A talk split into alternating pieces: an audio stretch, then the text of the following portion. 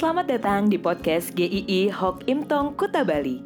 Penginjil Ray Reginaldi akan membagikan renungan harian singkat untuk membawa Anda mengenal dan menyembah Tuhan Yesus, bertumbuh dan menjadi murid Kristus, serta berdampak untuk banyak orang. Jika Anda merasa diberkati melalui renungan ini, silahkan bagikan podcast ini agar orang lain juga diberkati. Inilah renungan hari ini.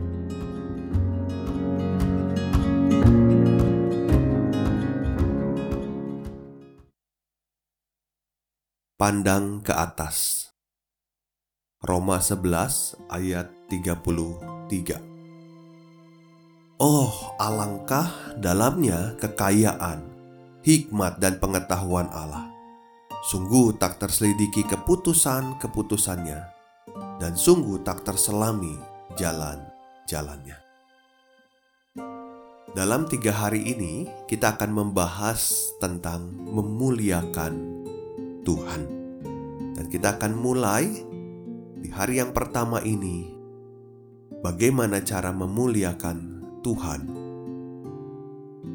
Pengenalan yang salah akan menentukan sikap yang tidak tepat kepada seseorang. Kita sering mendengar ada perkataan, "Oh, kok tidak tahu diri ya orang itu?" Nah, orang melihat ada sikap yang tidak tepat ketika seharusnya ada sikap yang tepat diberikan. Sama seperti itu, jika seseorang tidak dengan tepat mengenal Allah, maka akan tidak tepat juga bersikap kepada Allah.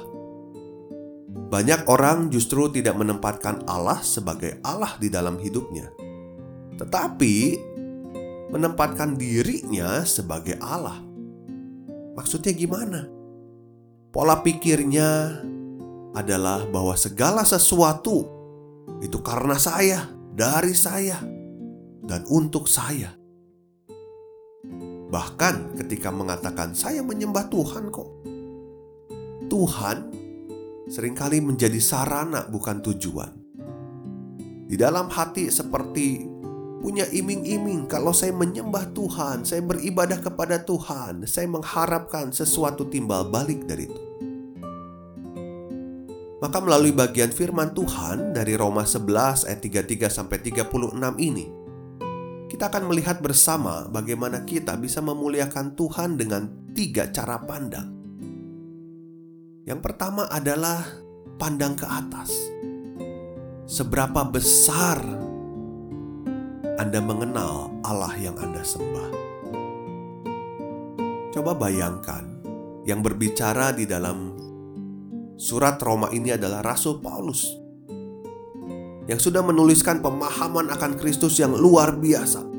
Yang dikatakan banyak teolog bahkan mengatakan bahwa kitab Roma ini begitu sistematis, padat, dan kaya sekali. Namun dari semua pemaparan yang mengagumkan itu, Rasul Paulus berkata, "Oh, alangkah dalamnya kekayaan, hikmat, dan pengetahuan Allah. Sungguh tak terselidiki keputusan-keputusannya, dan sungguh tak terselami jalan-jalannya." Dari apa yang dipahami oleh Paulus, tidak sedikit pun mendekati pemahaman akan Allah yang begitu besarnya. Dia mengatakan, "Alangkah dalamnya." Ini satu ungkapan, satu ukuran yang tanpa batas. Semakin Rasul Paulus mengalami dan memahami akan Tuhan, semakin dia memandang Tuhan begitu besarnya. Dia semakin mengerti betapa dalamnya hikmat Tuhan. Seperti sumur yang tidak berujung. Rasul Paulus mengatakan tak terselidiki keputusan-keputusannya Tak terselidiki ini berarti sekalipun mencarinya dengan tekun, tidak peduli seberapa besar usaha yang diberikan. Ini menunjukkan keputusan Allah yang sempurna tidak pernah salah. Ada orang-orang yang kadang mempertanyakan tentang Allah. Apakah Allah itu baik? Apakah Allah itu mengasihi saya ketika musibah menimpanya? Kita tidak bisa mengetahui alasan dan rencana Tuhan dengan sempurna. Kita tidak bisa menyelidiki secara pasti keputusan-keputusannya, tetapi yang pasti keputusannya tidak pernah salah karena Dia Allah. Tidak cukup hanya dengan frase itu, Rasul Paulus menambahkan satu lagi. Sungguh tak terselami jalan-jalannya. Tak terselami ini berarti tidak dapat melacak jalan-jalan Tuhan, tidak dapat menebaknya. Maksudnya adalah, sering kali ada orang memandang Tuhan itu begitu sederhananya, sangat mudah ditebak jalannya. Kalau melakukan A, pasti outputnya B. Kalau melakukan C, outputnya harusnya D. Tetapi Allah itu tidak dapat ditebak-tebak, tidak dapat dipastikan seperti itu. Mengenal Allah, berjalan bersama Tuhan tidak sesimpel itu. Jika Allah sesederhana itu, maka Dia bukanlah Allah, dan kita tidak perlu beriman kepadanya karena semuanya sangat mudah ditebak. Semuanya kita sudah tahu akhirnya seperti apa. Keterbatasan kita akan pengetahuan kita itulah justru yang membawa kita untuk memandang Allah begitu besarnya. Tuhan Yesus adalah Raja di atas segala raja. Dia Allah yang maha besar. Dia adalah penebus dan penyelamat kita. Allah yang kita sembah adalah Allah yang berdaulat, yang tidak bisa diatur-atur. Dia satu-satunya raja. Apakah dia juga raja bagi Anda saat ini?